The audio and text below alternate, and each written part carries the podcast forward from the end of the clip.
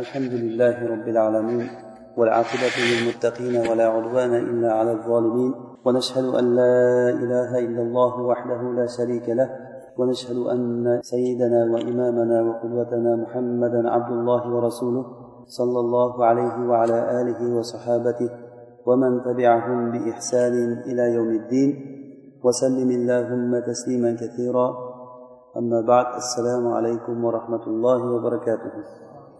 alloh subhanahu va taolodan madad so'rab biz alloh subhanahu va taoloni لقد كان لكم في رسول الله أسوة حسنة لمن كان يرجو الله واليوم الآخر وذكر الله كثيرا mana shu oyatini atrofida shundagi ba'zi bir foydalar haqida suhbat qilayotgan edik shu suhbatimizni yana davom ettiramiz insonni kengligi osmon va yerlarchalik jannatga kirishligiga va uni azobini hech qanday bir sifatlab bo'linmaydigan do'zaxdan najot topishligiga sababchi bo'ladigan narsa faqat shu bo'lganligi uchun ham ya'ni rasululloh sollallohu alayhi vasallamga ergashish bo'lganligi uchun ham bu haqda biz sal uzunroq nafas olamiz. Shuning uchun ham buni ko'proq ancha vaqtlardan beri balkim ba'zi bir kishilarga bu takror bo'lib eshitilayotgan bo'lsa ham ba'zi bir so'zlarimiz takror bo'lib e, eshitiladigan bo'lsa ham lekin bu juda ham katta asl bo'lgan narsa. Alloh subhanava taolo juda ham muhim bo'lgan narsalarni qur'oni karimda juda ham ko'p takror va takror keltiradi. Masalan alloh subhanava taoloni yolg'iz bitta zot ekanligi qur'onda nechta joyda kelgan? Bitta joyda emas o'nta joyda emas yuz emas nechi joylarda ollohni yolg'iz o'zi ekanligi yoki ollohni rizq beruvchi ekanligi qur'onda nechta o'rinda kelgan? Bitta o'rinda kelsa o'zi yetadi bo'ldi rizqni olloh beradi degan narsa o'zi eshitdik bo'ldi buni. Lekin boshqa bir joyda misollar bilan uni yana bo'lib ham bir voqeiy misollar bilan keltirishlik bu bitta narsaki inson qalbida ollohga bo'lgan ishonch ollohga bo'lgan suyanishlikni inson qalbida paydo qilishlik. Maqsad shu. Biz ham mana shu mavzuda ya'ni rasululloh sollallohu alayhi vasallamda go'zal bir namunalar bor. Kim uchun? Ollohni va oxirat kunini umid qilgan va ollohni ko'p eslagan kishilar uchun rasulullohda go'zal bir namunalar bor degan allohni so'zi haqida shuni suhbatlab sharhlab gapirayotgan edik. Rasululloh sollallohu alayhi vasallamdagi namuna bu mujmal ya'ni umumiy bir namuna emas. Agar biz bunga ko'proq chuqurroq nazar soladigan bo'lsak rasulullohdan olinadigan namuna bu hayotni har bir jabhalarida bo'lishligi kerak. Ya'ni qaysi bir mo'min kishidan so'rasangiz rasulullohga ergashasanmi desangiz albatta biz rasulullohda biz uchun namuna bor deb aytadi. Lekin ko'p narsalarda agar bitta bitta bitta bitta qaralinsa ko'p narsalarda rasululloh u uchun namuna yo'q. Balki namuna yo'qligi bilan birgalikda uni aksini uni ziddini uni yo'q qiladigan narsani balki unga dushmanchilik qilayotganligini ko'radi. Har bir masalada bitta bitta to'xtalib qaralinsa agar bu har bir odam o'ziga savol berilayotgan narsa. Bitta masalada masalan sunnatga amal qilishlik masalasi bo'layotgan bo'lsa shu masalada menda rasulullohda men uchun namuna bormi deb qaralinsa kishi bunda namuna olyaptimi o'sha narsadan? Yo'q namuna olmaydigan bo'ladi. Balki unga teskari chiqayotgan bo'ladi. Masalan mahram nomahramchilik masalasini olsangiz. Bir kishi masjidga keladi besh vaqt namoz o'qiydi hajga borib kelgan bo'ladi boshqa amallarni qiladi. Lekin faloncha ayol senga mahram emas desa nima uchun deydi? Ha nima qilibdi deydida yana shu bilan aralashib hayotda yashalaveradi. Hech qanday uni nomahram ekanligi buni hayotida hech qanday ko'rsatilmaydi. Rasululloh aytgan desa ham unga farqi yo'q. Mana bu narsa aynan insonga katta bir tarozi bu narsa. Ibn kasir rahimaulloh xuddi shu oyatni tafsirida aytgan ekanlarki mana shu oyat juda katta bir aslki rasululloh sollallohu alayhi vasallamga ergashishlikda u kishini so'zlarida va fe'llarida va holatlarida. Gapirayotgan gapimiz rasulullohni so'zlariga o'xshaydimi? Qiladigan ishlarimiz rasulullohni ishlariga o'xshaydimi? Va bizni holatimiz mana shu turishdagi holatimiz rasululloh sollallohu alayhi vasallamni holatlariga o'xshaydimi? Har bitta holatda bitta bitta qaralinsa inson qanchalik bilmagan narsasi ko'p ekanligini biladi va qanchalik o'sha bilmagan narsalarida rasulullohni sunnatiga zid amal qilib yurgan ekanligini o'ziga o'zi guvoh bo'ladi kishi. Bu oyatda o'zi nozil bo'lishligi sababi ahsob g'azotida edi. Buni biz shu mavzuni boshlagan paytimizda bu sura haqida va bu surani nozil bo'lishligi haqida batafsil gapirgan edik ya'ni bunda aynan mo'minlarni ikkita toifasini haqida suhbat ketadi. Musulmon rasulullohni oldidagi kishilarni ikkita toifasi. Bir toifa bor qalblarida maraz bo'lgan munofiqlar va ikkinchi bir toifa haqiqiy mo'min kishilar. Bular ikkalasini farqlab turgan narsa rasulullohga ergashishlik edi. Do'ppitor kiygan paytda hamma tomondan arablar musulmonlarga qarshi bitta kamondan o'q uzgan paytlarida hamma tomondan qiyinchilik bo'lgan havo sovuq bo'lgan butun madina qattiq qo'rqinchga qolgan paytda mana shu paytda qalblarida marazi bor bo'lgan munofiqlar aytishdiki olloh va rasuli bizga bir yolg'on va'dalar qilib yuribdi ekan. Agar olloh va rasulini va'dasi haq bo'lganda biz bunchalik qiyinchilikda qolmasdik. Degan gapni gapirdi. Va buni muqobilida buni qarshisida mo'minlar bo'lsa aynan shu narsa olloh va rasulini bizga va'da qilgan narsasi shu deyishdi va bu narsa ularga iymonni yanayam rasulullohni tasdiqlashlikni berdi. Ibn abbos roziyallohu anhu bir kuni e, ayollarni masjidlardan man qilmanglar degan hadisni aytgan paytlarida o'g'li bilol men man qilaman chunki meni rashkim yomon degan ekan. Shunda u kishi aytgan ekanki men rasululloh aytyapti desam sen men man qilaman deb qanday teskari chiqasan rasulullohni gapiga degan. Vallohi senga gapirmayman deb o'lganlaricha o'g'li bilan gaplashmay o'tib ketgan ekan. Shu bitta masala uchun. Ya'ni rasululloh aytdi degan rasulullohni aytgan gapini aytgan paytda o'g'li aytgan ekanki meni rashkim yomon men man qilaman degan. Mana shu gapi bilan bitta gapi bilan sen bilan gaplashmayman deb turib gaplashmay o'tib ketgan ekan. Ya'ni sahobalarda mana shunchalik darajada rasululloh aytdi desa bo'ldi taqataq to'xtashgan ibn abbosni mashhur bir gaplari bor. Yushiku an tanzila alaykum hijaratun minas sama. Aqulu lakum qala rasululloh sollallohu alayhi vasallam va taquluna qala abu bakr va umar. Sizlarga osmondan boshlaringga tosh yog'ilishligidan qo'rqaman men. Men sizlarga rasululloh sollallohu alayhi vasallam mana bunday degan desam sizlar abu bakr va umar bunday degan deb teskarisini aytasizlar degan. Bo'lmasa abu bakr va umar ular kimlar ular? Bu ummatni ikkita katta shayxi abu bakr va umar. Eng ummatdagi afzal kishilar. Mana shularni ham gapini ibn abbos aytyaptiki rasululloh aytdi degandan keyin abu bakr bunaqa degan umar bunaqa degan gapni qo'yinglar degan. Bu narsa uchun mana shu rasulullohda shunchalik sahobalarda bir namuna bo'lganki nima sababdan? Chunki ular ollohni va oxirat kunini umid qilishgan. Mana shu uchun ham rasululloh sollallohu alayhi vasallamda demak biz uchun rasulullohni fe'llarida so'zlarida va holatlarida har bir holatda biz uchun katta namunalar bor. Mo'minlar o'shanda juda ham qattiq iztirobga tushgan ahzob g'azotida hattoki degan alloh taolo hatto ollohga ba'zi bir gumonlar qilib yuborishlikka yaqin borilgan.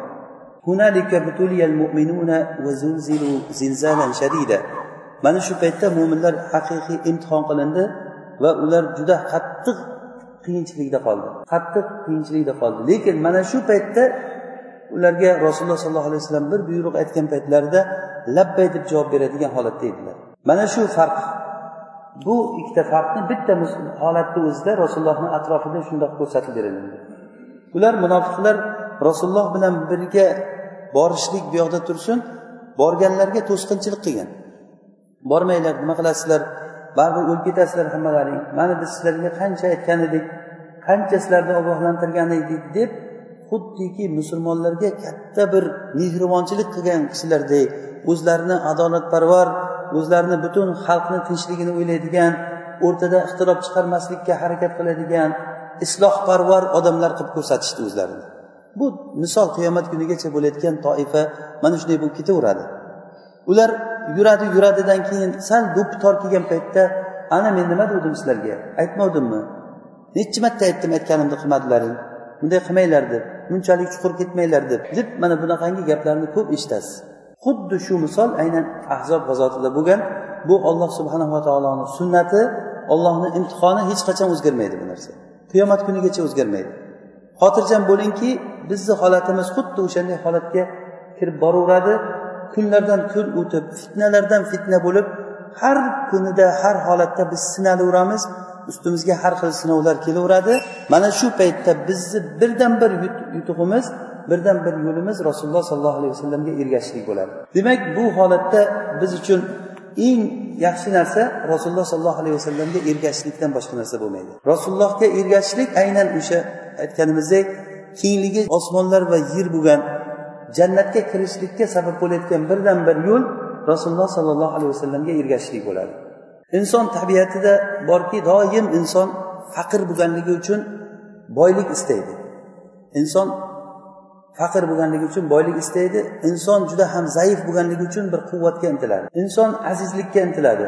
Rahmatni xohlaydi azobdan qochadi. Illo tabiati buzilgan ba'zi bir insonlar borki o'zini zaifligini esdan chiqargan ba'zi bir kishilar bo'ladi. Fir'avnga o'xshagan. Fir'avn aytdiki ana robbikumul ala deb.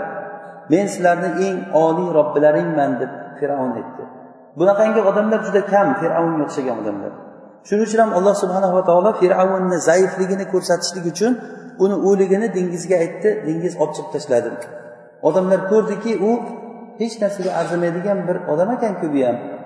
Mana odamlar ichida o'lib yotibdi dengiz olib chiqdi. Hatto hozirgacha ham mana muzeyda turganligi balkim alloh subhanava taoloni bir biz uchun katta bir ta'lim berishligi bo'lsa kerakki mana men yerda eng rob ulug' robbiman oliy robbiman degan kishini holatini ko'ringlar. Mana nima bo'lyapti. Hamma odamlarga tomoshlab tomosha bo'lgan holatda xuddiki hayvonot bog'iga kirganda haligi maymunlarni kuchuklarni boshqa hayvonlarni tomosha qilganday odamlar kirib turib uni tomosha qilib ko'ryapti.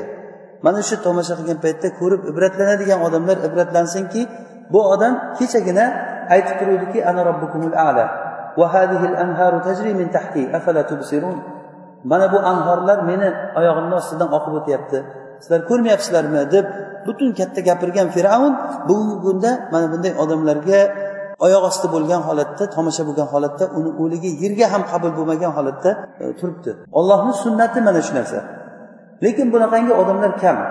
O'zi asli aksar odamlar o'zini zaifligini sezadi. O'zini zaifligini sezgandan keyin inson albatta bir quvvatga qarab intiladi. Bu inson ich ichidan bo'ladigan insonni fitrati bu. Ya'ni olloh insonni mana shunday yaratgan. Inson borki o'zidan kuchliroq kishiga ergashadi. Inson borki o'zidan kuchli bir quvvatga qarab intilib o'sha bilan hayot kechiradi. Lekin kimki o'sha qalbidagi bo'shliqni agar olloh bilan to'ldirmasa qalbidagi bo'shliqni olloh bilan to'ldirmasa u albatta boshqa bir narsalarga qarab intilib ketadi. Mana shu inson qalbidagi ollohga bo'lgan intilish yoki ollohdan boshqaga bo'lgan intilish mana bu narsa bu nuqta ollohni tanishlikdan kelib chiqayotgan narsa bo'ladi. Agar kimki ollohni yaxshi tanisa ana shu ollohni tanigan kishi ollohga qarab intiladi.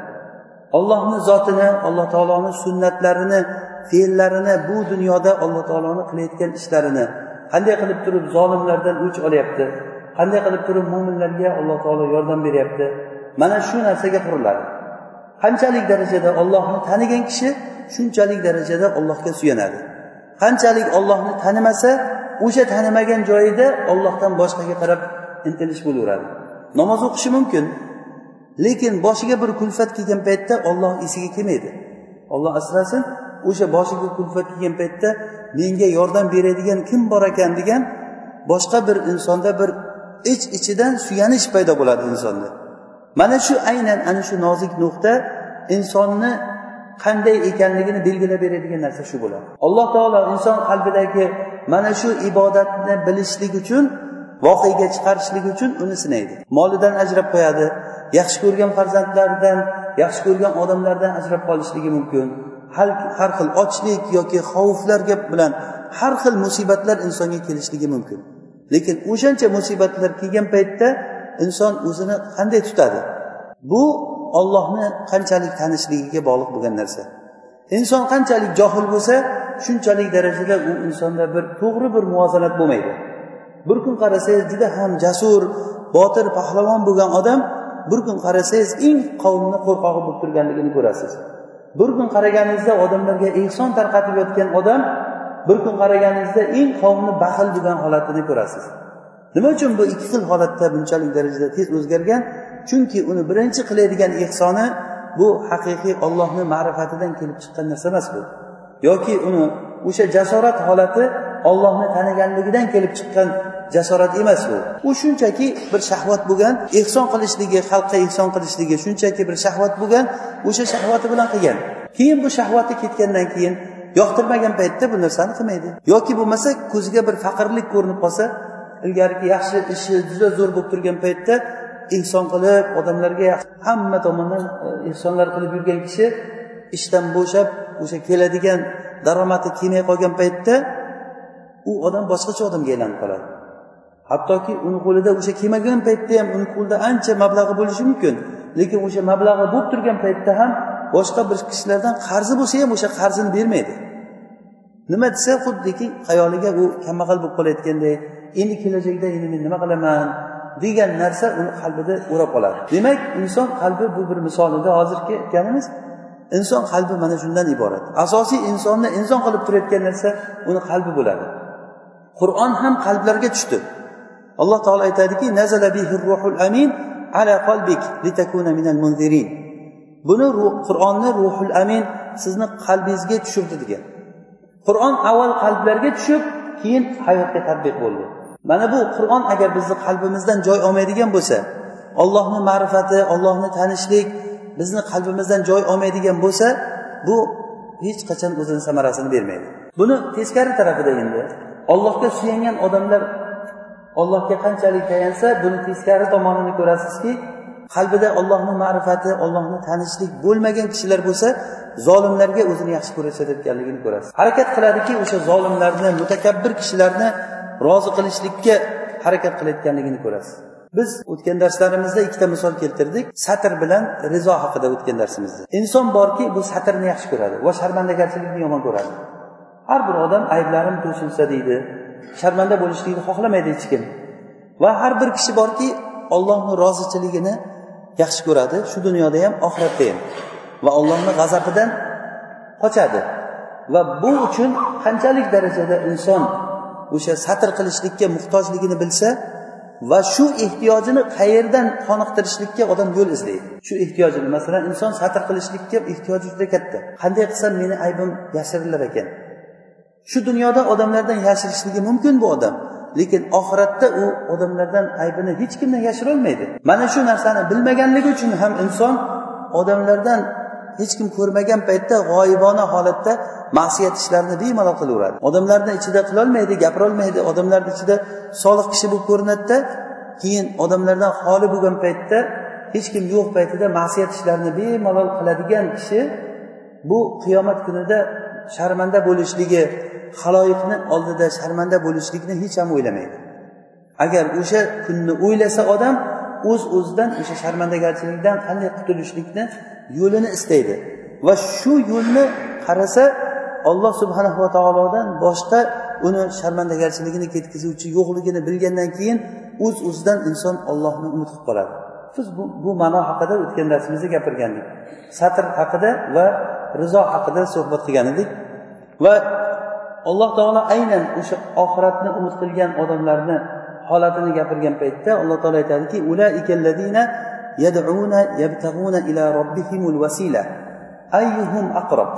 ular shunday kishilarki ular olloh taologa yaqinlashishlik uchun vasila istaydi. Ya'ni yo'l izlaydi. Qanday qilsam men ollohni rozi qilaman ekan? Qanday qilsam men ollohga yaqinlashaman ekan? deb ollohni yaxshi ko'rayotgan narsasini eng yaxshirog'ini istaydigan odamlar bular. Demak ollohni umid qilgan odamlarni xulqi mana shunday bo'lar ekan. Eng yaxshi narsani istaydi. O'sha uchun ham rasulullohni sahobalari katta katta sahobalarni ko'ramizki shu katta sahobalar hech qachon rasulullohdan kelib turib ey rasululloh meni jannatga kirgizayotgan amalni menga ko'rsating demagan ekan. Ya'ni ular kelib turib aytgan gaplari ba'zi bir sahobalar kelib so'ragan ey rasululloh meni bir amalni aytingki shuni qilsam jannatga kiray ya rasululloh dullani ala amalin ida amiltuhu dakhaltul janna. Meni bir ishni ayting shuni qilay men jannatga kirayin deganda rasululloh sollallohu alayhi vasallam unga aytib qo'ygan nima qilish kerakligini. Lekin katta sahobalar rasulullohni atrofida yuradigan ilmli sahobalar rasulullohdan bunaqa savol bermasdan ularni savollari doim ey rasululloh qaysi amal ollohga eng suyukliroq? deb so'rar ekan. Ayyul amali ahabbu ilalloh. Qaysi amal ollohga eng yaxshiroq men shuni qilay degan. Masalan bu valillahi ala. Bir kishi birovga yaqinlashmoqchi bo'lsa bir masalan shahar hokimi bilan yoki katta bir mansabda ishlayotgan odamga yaqinlashmoqchi bo'lsa shu boshqa odamlardan so'raydiki shu odamga nimani yaxshi ko'radi o'sha odam? O'sha yaxshi ko'rgan narsasini qilib shunga yaqinlashishlikka harakat qiladi inson. Endi ala alloh taoloni o'xshatib bo'lmaydi lekin inson fitrati shunaqa. Ollohni umid qilgan odam ollohga faqat rasululloh orqali yetib borishligidan boshqa yo'l yo'qligini ko'rganingizdan keyin rasulullohni oldiga kelib turib so'rayotgan narsa nima bo'ladi? Ey rasululloh olloh nimani yaxshi ko'radi? Eng yaxshi narsa nima? Ollohga o'shani qilay men ollohga eng yaqin kishilardan bo'layin deb so'raydi. Sahobalarni tushunchasi xuddi shunday bo'lgan.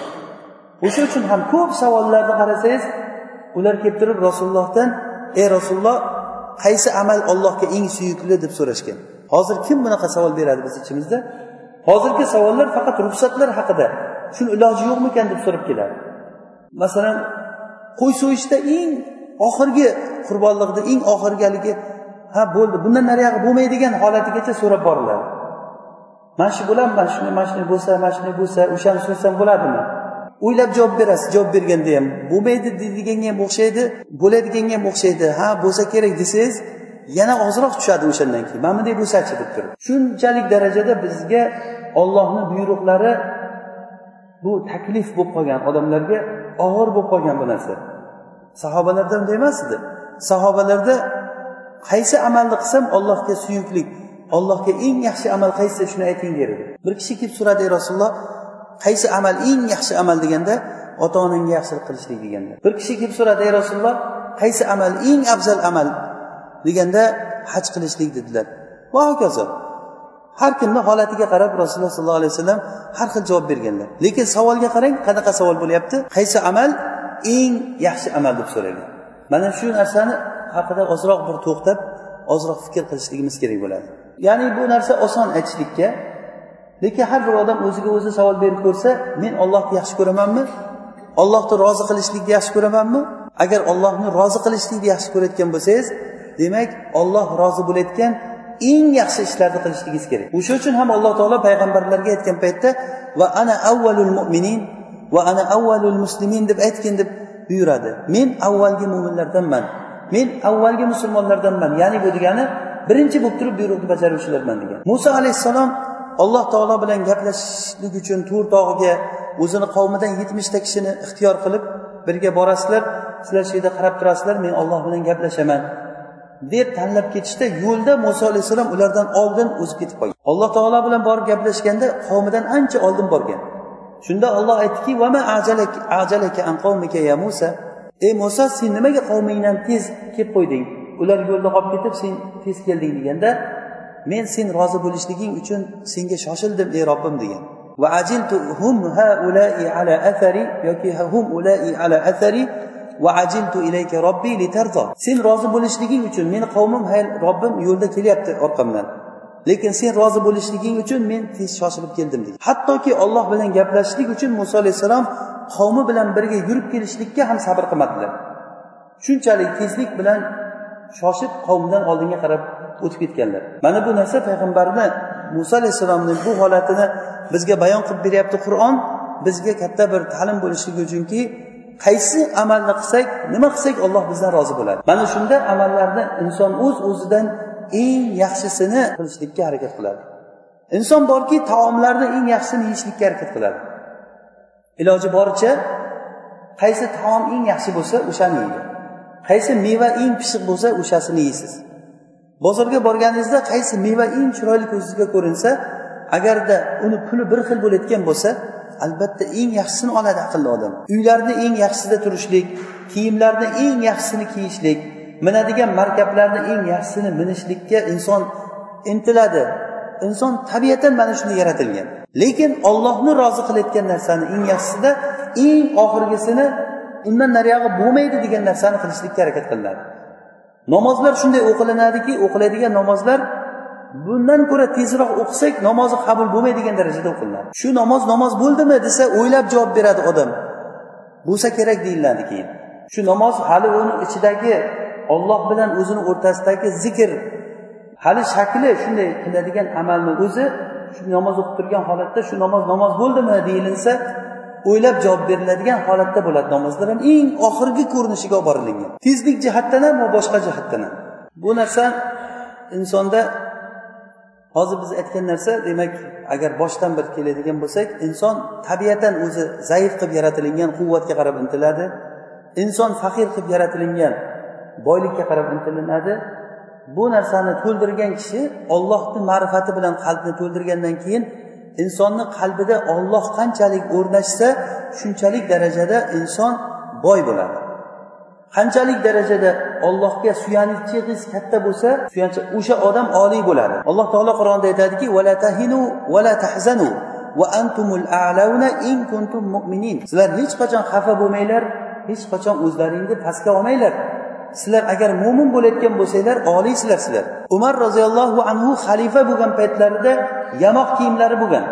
Minbarda turib xutba qilayotgan paytda amirul mo'mininni kiyimida ba'zi kishilar o'n ikkitagacha yamog'ini sanadim deyilgan. Ya'ni yamoq kiyimlarni kiygan qattiq non yeb suv ichib yurgan xalifa butun dunyoni podsholari u kishini oldiga kelgan paytda qo'rqib gaplashgan u kishi bilan. Mana shu bir paytlar bo'lgan ekanki musulmonlardan qo'rqqan ekan boshqa odamlar. Ular oliy bo'lgan ular. Va antumul a'launa in kuntum mu'minin. Lekin sharti ular mo'min bo'lgan ekan. Agar mo'min bo'layotgan bo'lsanglar sizlar oliysizlar degan. Mana shu narsani hozir masalan darsda o'tirganda shunaqangi bir ma'nolarni odam ollohga qanchalik darajada yaqinlashsa shunchalik darajada ollohga suyansa odam o'zini oliy his qilib qoladi. O'zini boy his qilib qoladi. Lekin darsdan chiqqandan keyin uzoqlashgandan keyin bu his tuyg'u insondan kamayib susayib ba'zi paytlar kelgan paytda ko'rasizki ollohdan boshqaga odam o'zini o'zi xor olganligini ollohdan boshqadan qo'rqqanligini kerak bo'lsa g'oyibdan turib ham qo'rqqanligini ko'rasiz lekin yana olloh eslatilinsa yana qaytib keladi joyiga. Demak bilingki bu narsa uchun inson ollohni ko'p eslash kerak ekan. O'sha uchun ham alloh taolo shu oyatni davomida aytyaptiki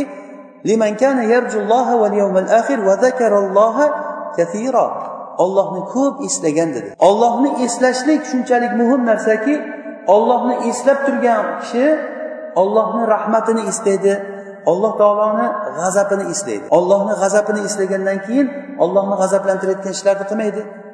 Ollohni jannatini ollohni rozichiligini istagan odam o'z uz o'zidan ollohni rozi bo'layotgan ishlariga qarab harakat qiladi. Mana shu ish ollohni rozi qiladigan ish. Shuni qilish kerak desa inson shundan chetlab oyoq osti qilib o'tib ketavermaydi. Albatta qiynalsa ham qanchalik mashaqqat bo'lsa ham shu ishni qilishlikka harakat qiladi. Ollohni zikr qilishlik muhim bo'lganligi uchun ham alloh taolo bu ollohni zikr qilishlikni mutlaq aytdi. Kasiro dedi. Unga muayyan bir vaqt belgilab bermadi. Muayyan joy belgilab bermadi. Hatto ibodatlarni eng kattasi bo'lgan namozga vaqt belgilab berdi. Hajga vaqt belgilab berdi. Ro'zaga zakotga vaqt belgilab berdi. Lekin ollohni zikr qilishlikka vaqt belgilab bermadi. Va namozni o'zi ollohni zikr qilishlikdan iborat. Inna solata tanha anil fahshai val munkar va zikrullohi akbar. Namoz fahsh munkar ishlardan qaytaradi. Ollohni zikr qilishlik esa bundan ko'ra kattaroqdir degan. O'zi namozni ichi zikrdan iborat namoz. Agar bu zikr bo'lmaydigan bo'lsa namozdan hech qanaqangi nasiba bo'lmaydi kishiga. Quruqqa boshni peshonani sajdaga qo'yib ko'tarishdan hech qanday manfaat bo'lmaydi agar qalbda ollohni zikr qilishlik bo'lmasa. Hozir xufton namozi o'qilindi. Alloh taoloni eslashlik qanchalik darajada bizni xotirimizdan qanchalik darajada biz ollohni hozir ollohni oldida turibman men? Olloh meni ko'rib turibdi degan ma'no hayolimizga keladi. Ko'p holatda inson g'ofil bo'lib qoladi. Mana bu g'aflat biz uchun katta bir pand beradi. Jannatga kirgan kishilar ham eng bitta pushaymon yegan narsasi qanchalik ollohni zikr qilmagan bo'lsa o'sha narsaga odam pushaymon yer ekan. Bu narsa biz uchun katta bir qiyinchilik talab qilmaydi va bu narsa hech kimga bir riyo ham qilib bo'lmaydigan narsa. Ollohni zikr qilishlik bu riyo ham qilib bo'lmaydigan narsa. Qalbingizdan o'z o'z ichingizdan alloh taolo bilan gaplashasiz. Alloh taoloni eslaysiz ne'matlarini eslaysiz ollohni sifatlari bilan qiladigan ishlari bilan. Shuning uchun ham namoz eng katta ollohni zikr qilinadigan joyi bo'ldi. Inson mashg'ulotlarni qo'yib qiblaga qarab turib ollohu akbar degandan keyin unga dunyoni gapini gapirishlik harom. Ovqat yeyishlik suv ichishlik va boshqa u yoq bu yoqlarga qarashlik ham harom. Shunday ollohga qarab turib qiblaga qarab turib inson bir xil holatda olloh buyurganday qiroat qilasiz olloh buyurganday ruku qilasiz olloh buyurganday sajda qilasiz. Namozni eng ulug' joyi sajda bo'layotgan bo'lsa o'sha sajdada nima deymiz? Subhana robbiyal ala. Subhana robbiyal ala ya'ni eng oliy robbimni poklayman degani. Alloh taoloni alo sifatini shu yerda zikr qilindi. Nima uchunki bizga qalbingizdan siz bog'lanishligingiz uchunki olloh eng oliy bo'lgan zot.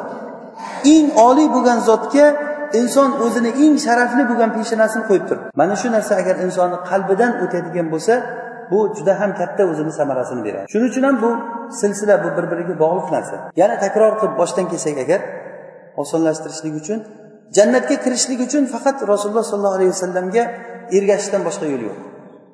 Rasulullohga ergashishlik uchun ollohni va oxirat kunini umid qilishlik kerak ekan. Ollohni oxirat kunini umid qilishlik paydo bo'lgandan keyin u ketib qolmasligi uchun alloh taoloni ko'p eslash kerak ollohni zikr qilishlikni birinchidan qur'onda hozir aytdikki buni mutlaq zikr qildi uni bir vaqtini aytmadi والذاكرين الله كثيرا والذاكرات أعد الله لهم مغفرة وأجرا عظيما ya'ni ollohni ko'p eslaydigan ko'p eslaydi qachonligi aytilinmadi bu narsa juda ham muhim bo'lganligi uchun va yana ollohni zikrini eng katta bo'lgan namozdan katta qildi alloh taolo. Hozir aytgan oyatimizda namoz fahsh munkar ishlardan qaytaradi va ollohni zikri esa bundan ko'ra kattaroq degan. Va eng sharafli bo'lgan eng ulug' maqomlarda ham hattoki namozni o'qib bo'linsa ham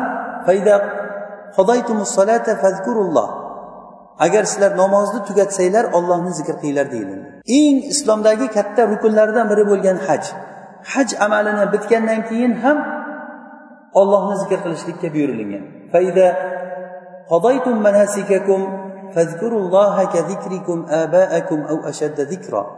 Agar sizlar ibodatlarni manosik ya'ni haj ibodatlarini qilib bo'lsanglar alloh taoloni eslanglar ollohni eslanglar xuddiki otalaringni eslaganday inson o'zini otasini qanday eslaydi?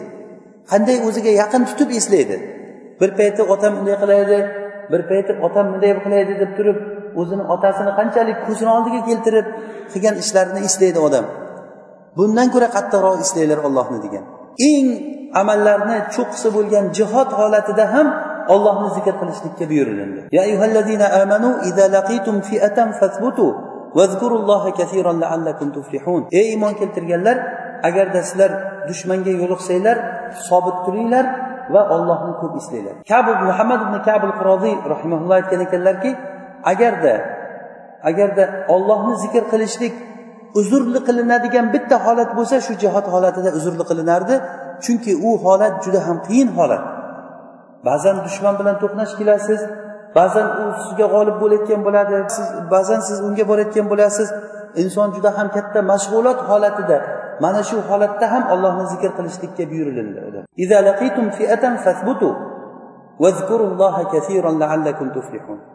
ollohni zikr qilishlik bu najot topishlikni sababi bo'ldi. Hozirgi oyatimizda laallakum tuflihun. Sizlar najot topishliklaring uchun demak bu ollohni zikr qilishlik bizni najot topishligimizga bizni yutuqlarga erishishligimizga sabab bo'layotgan narsa ollohni zikr qilishlik bo'ladi. Va buni aksi ollohni zikr qilmaslik ollohni unutib qo'yishlik bu narsa uni aksi husronga ziyonga sabab bo'ladi ya ayyuhallazina amanu la tulhikum amwalukum va la auladukum an zikrillah ey iymon keltirgan bandalar sizlarni mollaring va sizlarni bolalaring ollohni zikridan sizlarni g'ofil qilib qo'ymasin لا تلهكم أموالكم ولا أولادكم عن ذكر الله ومن يفعل ذلك فأولئك هم الخاسرون Kim shu ishni qilayotgan bo'lsa ana o'sha odamlar ziyon ko'rgan odamlar. Hozir alloh taolo eng katta ikkita ne'matni aytyapti bolalar va mollar.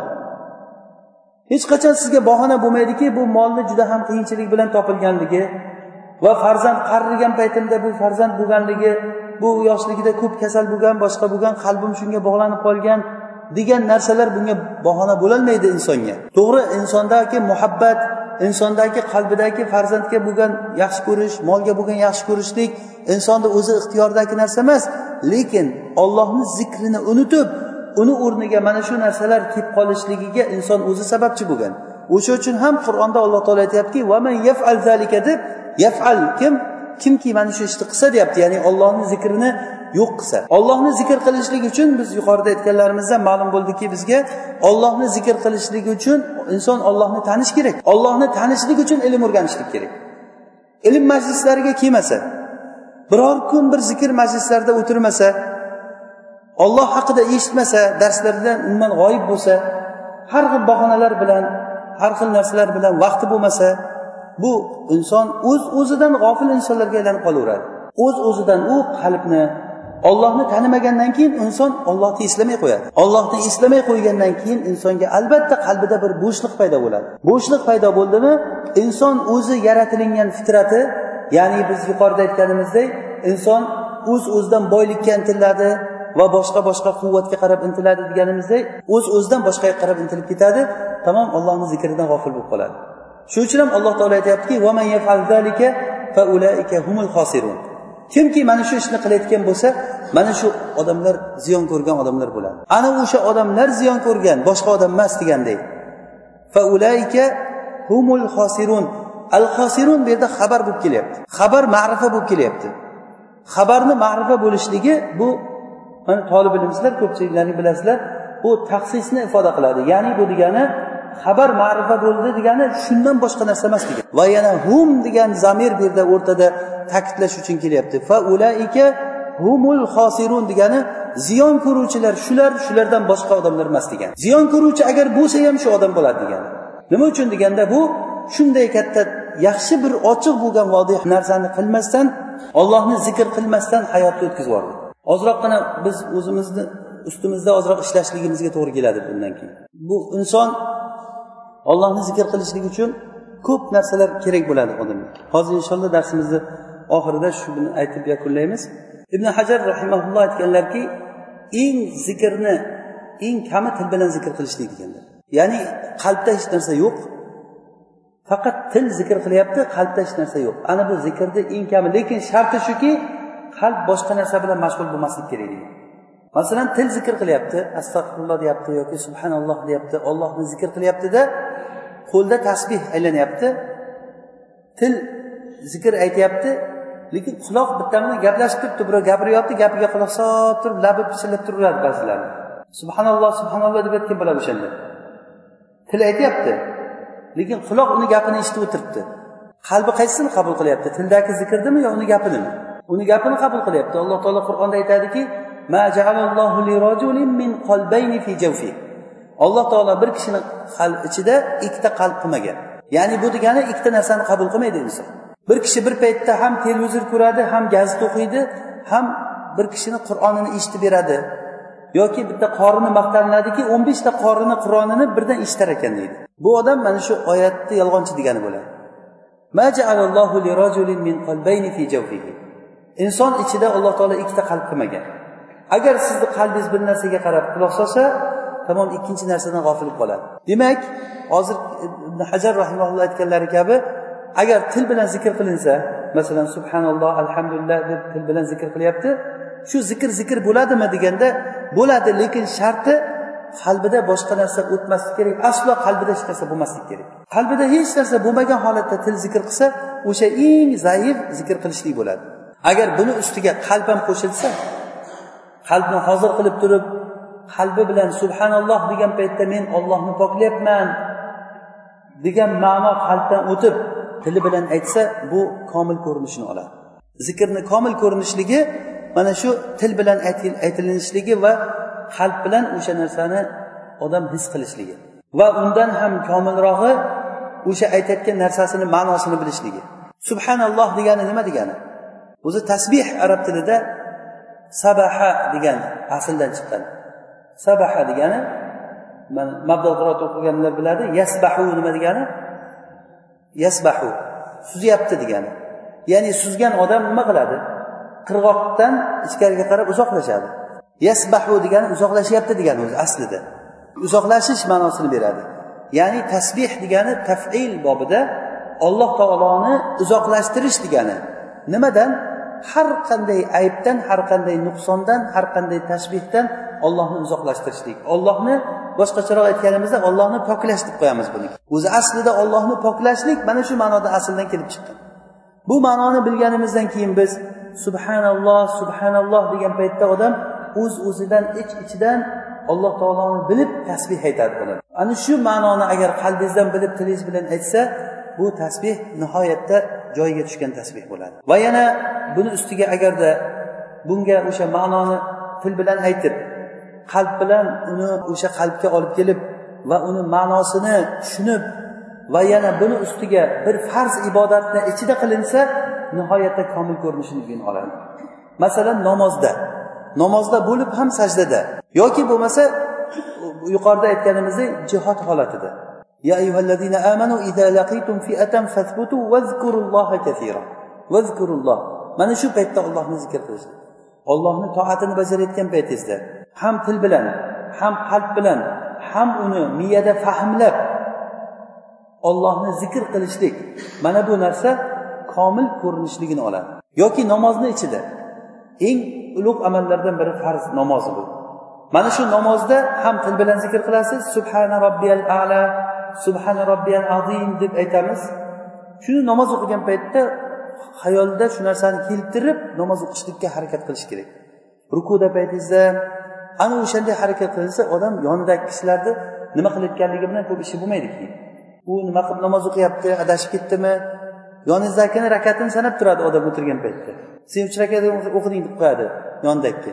Demak bu o'sha zikrlar joyida bo'lmaganligiga dalolat qiladi. Hatto orqada bo'layotgan gap so'zlarni ham bilib turadi.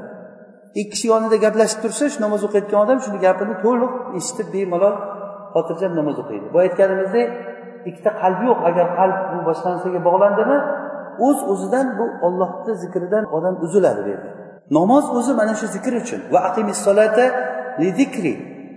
Solata li zikri degan alloh taolo meni eslashlik uchun namoz o'qi degan ollohni zikr qilishlik uchun namoz o'qiymiz. O'zi namoz eng katta amal eng birinchi qiyomat kuni so'raladigan amal.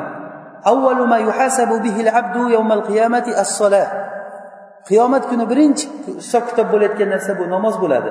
Mana shunday eng ulug' amal bo'lgan namoz zikr uchun qilingan. Demak bu zikr bo'lgandan keyin ollohni eslashlik masjidga kelib turib namozni o'qib o'qib panaqa chiqqandan keyin aldab yolg'on gapirib ketaversa birovni haqqini yeb ketaversa odam demak bu namoz joyiga tushmadi degani o'sha uchun ham inna tanha anil fahshai val munkar. Namoz haqiqiy o'qilingan namoz fahish munkar ishlardan qaytariladi deganligini sababi ham shuki bu namoz ollohni zikri bilan bo'lgan bo'lsa agar ollohni zikri qalbga o'rnashsa bu zikr iloji boricha davom bo'lishlikka keyin buyurilgan ya'ni vazkurulloha zikron kafiro ollohni ko'p eslanglar deyildiku ko'p eslanglar faqat masjidga kelganda ollohni zikr qilinglar degani emas bu. Ollohni ko'p eslash buni vaqti yo'q buni. Kerak bo'lsa hamma payt eslanglar ollohni degani. Inson muhtoj bo'lib qolgan paytda ollohni eslab xursand bo'lgan paytda ollohni esdan chiqarib ketaverishligi bu insonlar o'rtasidagi muomalada ham to'g'ri kelmaydi. G'irt muruvatsizlik bu narsa. Lekin olloh bilan bandani o'rtasida yana ham to'g'ri kelmaydi. O'zi inson o'zi shu uchun yaratilgan bo'lsa. O'zi o'zi shu uchun yaratilgan ishni qilmay ketishligi bu insonni qanchalik darajada g'ofilligiga dalolat qiladi. Va ibn hajar rahimaulloh aytdilarki birinchi eng zikrni eng oddiy ko'rinishdagi til bilan qilishlik. Lekin til bilan qilishni sharti nima dedik? Sharti nima ekan? Til bilan qilishlik sharti? Boshqa narsa bo'lmasligi kerak. Uni ma'nosi ham yo'q ollohni zikr qilish ham yo'q. Faqat til zikr qilyapti lekin qalbda uni unga zid bir ma'no bo'lmasligi kerak. Va unga keyin agar qalb bilan qo'shib zikr qilishlik qo'shilinsa bu zikr komil bo'ladi. Keyinchi uni agar ma'nosini agar tushunib fahmlasa nima deyayotganligini bilsa odam ma'nosini. O'sha uchun ham biz bu haqda inshaalloh bir alloh taolo bir ajalga umr bergan bo'lsa shu zikrlar haqida dars qilishligimiz kerak. Zikrlarni ma'nolari haqida subhanalloh haqida yoki boshqa bir zikrlar haqida toki biz ibodatlarimizda shu qilayotgan narsalarni bilib aytaylik. Ba'zi darslarimizda haligi baraka to'g'risida suhbatlashganimizda allohimma barik ala muhammad va ala ali muhammad kama barakta ala ibrohim. Kama barakta ey ollohim rasulullohga baraka bergin va oilasiga baraka ber xuddiki ibrohimga bergan barakang kabi. Ibrohim alayhissalomga shuncha katta alloh taolo baraka berganki o'sha barakaga o'xshagan barakani muhammad sallallohu alayhi vasallamga so'raymiz biz har namozda. Shuni aytganligimizda bir kishi darsga kelgan ekan undan boshqa darsga kelgan yo'q yaqinda bir ko'rdim u kishini. Aytadiki o'sha darsdan beri deydi men namozda allohimma barik ala muhammad deganda o'sha hayolimga kelib bilib aytyapman nima deganligimni va o'sha joyda men bildimki bu narsani juda katta foydasi bor bu narsa bilib biz uchun har namozda aytilayotgan narsamiz. Masalan ma'nosini bir aytgandan hammamiz tushunamiz. Xuddiki ibrohimga bergan barakangga o'xshab rasulullohga ham baraka bergin. Degan narsani har namozda sunnat bo'lsin nafl bo'lsin farz bo'lsin har namozda allohimma barik ala muhammad deb aytamiz. Xuddi shunday subhan robbiyal alani bugungi darsimizdan shu foyda bo'lib qolsin.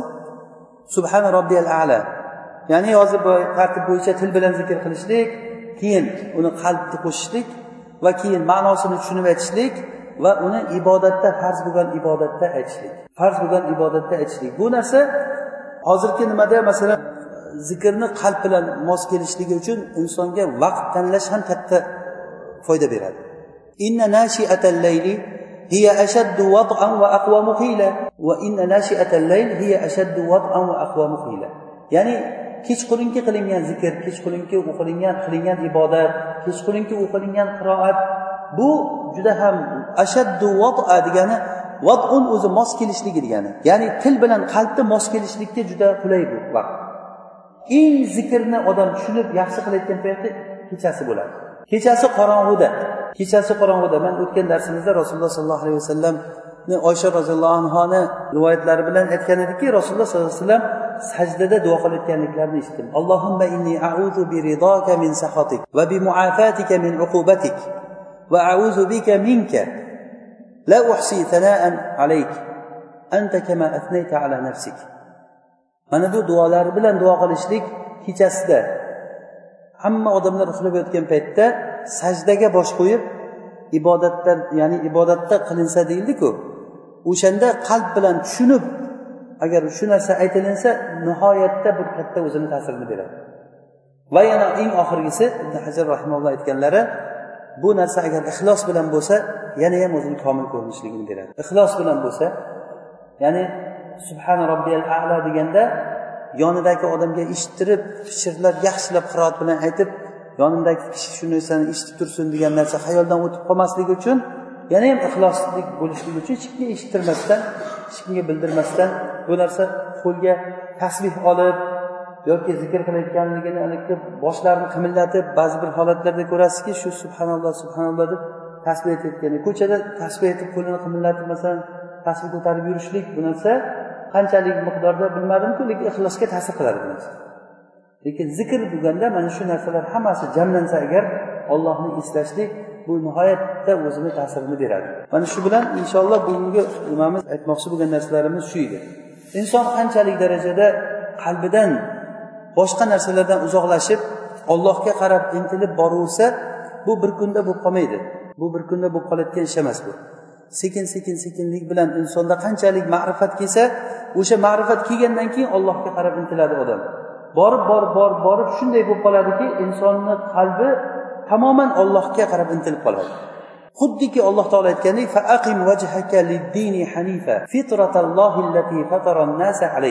ya'ni sen yuzingni ollohga qaratgin. Hanifa degani nima? Botildan haqqa moyil bo'lgan holatda ya'ni to'g'ri turgan holatda yuzingni ollohga qaratgin. Qalb ya'ni bu insonni qalbi ollohga qachon qaraydi? Ollohdan boshqalardan tamomiy yuz o'girsa darsimizni boshida bir suhbat qilganimiz inson umumiy olganda ollohga qarab intilganman deb davo qilamiz hammamiz. Lekin bitta bitta masalalarni tafsiliga kirib agar qarab chiqilinsa ko'p narsalarda inson ollohdan boshqaga qarab ketib qolganligini ko'radi. Har bir odam buni o'zini hisob kitobini o'zi qiladi.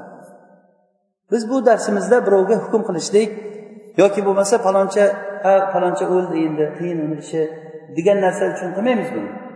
Isloh bo'lishlik uchun foyda olishlik uchun dars qilamiz o'zimiz uchun albatta bu narsa. Shunda inson o'ziga o'zi bir tarozi qilib qo'yib ko'rsa qanchalik darajada bizni qalbimiz alloh taologa qarab intilgan qanchalik allohga bog'langan har bir narsada. Faqirmiz boylikni kimdan so'raymiz? Biz xormiz azizlikni kimdan so'raymiz? Bizni quvvatimiz yo'q. Kimdan so'raymiz quvvatni? Boyligimizga suyanamizmi? Moli dunyomizga yoki mansabga yoki bir ba'zi bir mansabdor qarindoshlarimizgami?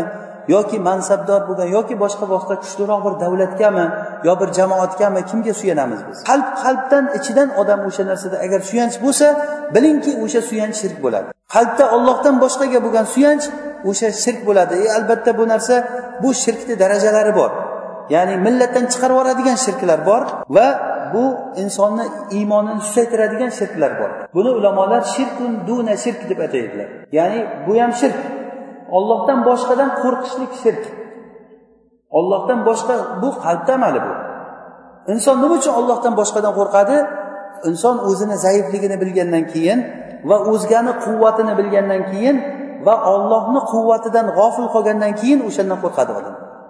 Agar ollohni quvvatini e, odam hayoliga keltirsa undan qo'rqmaydi keyin chunki alloh taolo eng akbar eng ala eng aqvo bo'lganligini la havla va la quvvata illa billah kuchu quvvat hammasi olloh bilan.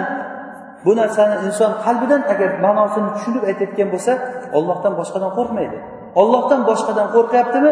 Bilingki u qalbda shirk bor degani qanchalik darajada qalbda shirk bo'lsa shunchalik darajada xavf kelaveradi. Bu narsani kelishligi ilmsizlikdan keladi qanchalik qalbimizda ollohni tanishlik yo'qolgan sari o'shani o'rniga boshqa narsalar kelaveradi. Bu qalb shug'ul nima deydi shag'ol deydi arab tilida qalb ishlab turadi. Hech qachon uxlamaydi qalb mana shu harakatda. Juda uxlasangiz qalb tush ko'radi. Tursangiz yana harakatini boshlaydi. Qalb hech qachon odamni qalbi to'xtamaydi. O'sha uchun biz juda ham eng katta muhtoj bo'lgan narsamiz ilmga muhtojmiz. Bu narsa sabr bilan bo'layotgan narsa. Oddiy sabrni oling. Ilmsiz sabr bo'lmaydi. Mana hazir alayhissalom muso alayhissalom bilan bo'lgan suhbatlarda nima dedilar? Sen bilmagan narsangga qanday sabr qilasan? degan muso alayhissalomga demak inson bilmagan narsasiga sabr qilolmaydi. agar shunda hozir chidab tursangiz uni orqasida nima bor ekanligini bilsangiz keyin sabr qilasiz bo'lmasa inson sabr qilib turolmaydi o'zi inson besabr qilib yaratilingan insanu halua إذا مسه الشر جزوعا وإذا مسه الخير منوعا inson betoqat sabrsiz qilib yaratilgan o'zi shunday yaratilgan u men sabrliman degan odam yolg'on gapiradi inson sabrlik emas sabrsiz qilib yaratilingan Yaxshilikka ham sabr qilolmaydi yomonlikka ham sabr qilolmaydi illal musollin illo namoz o'qiydigan va hokazo undan keyingi sifatlarni mana qur'onda aytgan o'shalarga ega bo'lgan odam ana shu odam sabr qila oladi. U uchun ilm kerak kishiga. Ilm majlislarida biz mana shunday majlislarda ollohni ma'rifatini olloh bilan tanishishligimiz kerak. Bu uchun ollohni sunnatlari haqida suhbat qildik qancha?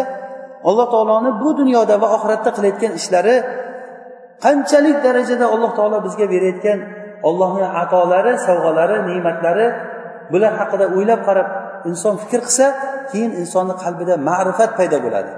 Ma'rifat bu ilm bu. Ilmda aslisi bu. Insonda ilm paydo bo'lgandan keyin o'z uz o'zidan amalga qarab o'tadi. O'sha uchun ham buxoriy rahimaulloh sahihida babul ilmi qoblal qavli val amal gapirishlikdan oldin va amal qilishlikdan oldin bilishlik bobi ilm bobi deb keltirgan. babu qavlillahi taala fa'lam annahu la ilaha illalloh ollohdan boshqa iloh yo'q ekanligini bilgin la ilaha illallohni bilgin degan alloh taolo mana bu eshitganlarimizdan foydalanishligimizni nasib qilsin alloh taolo darsimizni davom etsin baraka bersin o'rganganimizga bilganlarimizga inshaalloh mana bu darsimizni yana davomi bor biiznillah سبحانك اللهم وبحمدك نشهد أن لا إله إلا أنت نستغفرك ونتوب إليك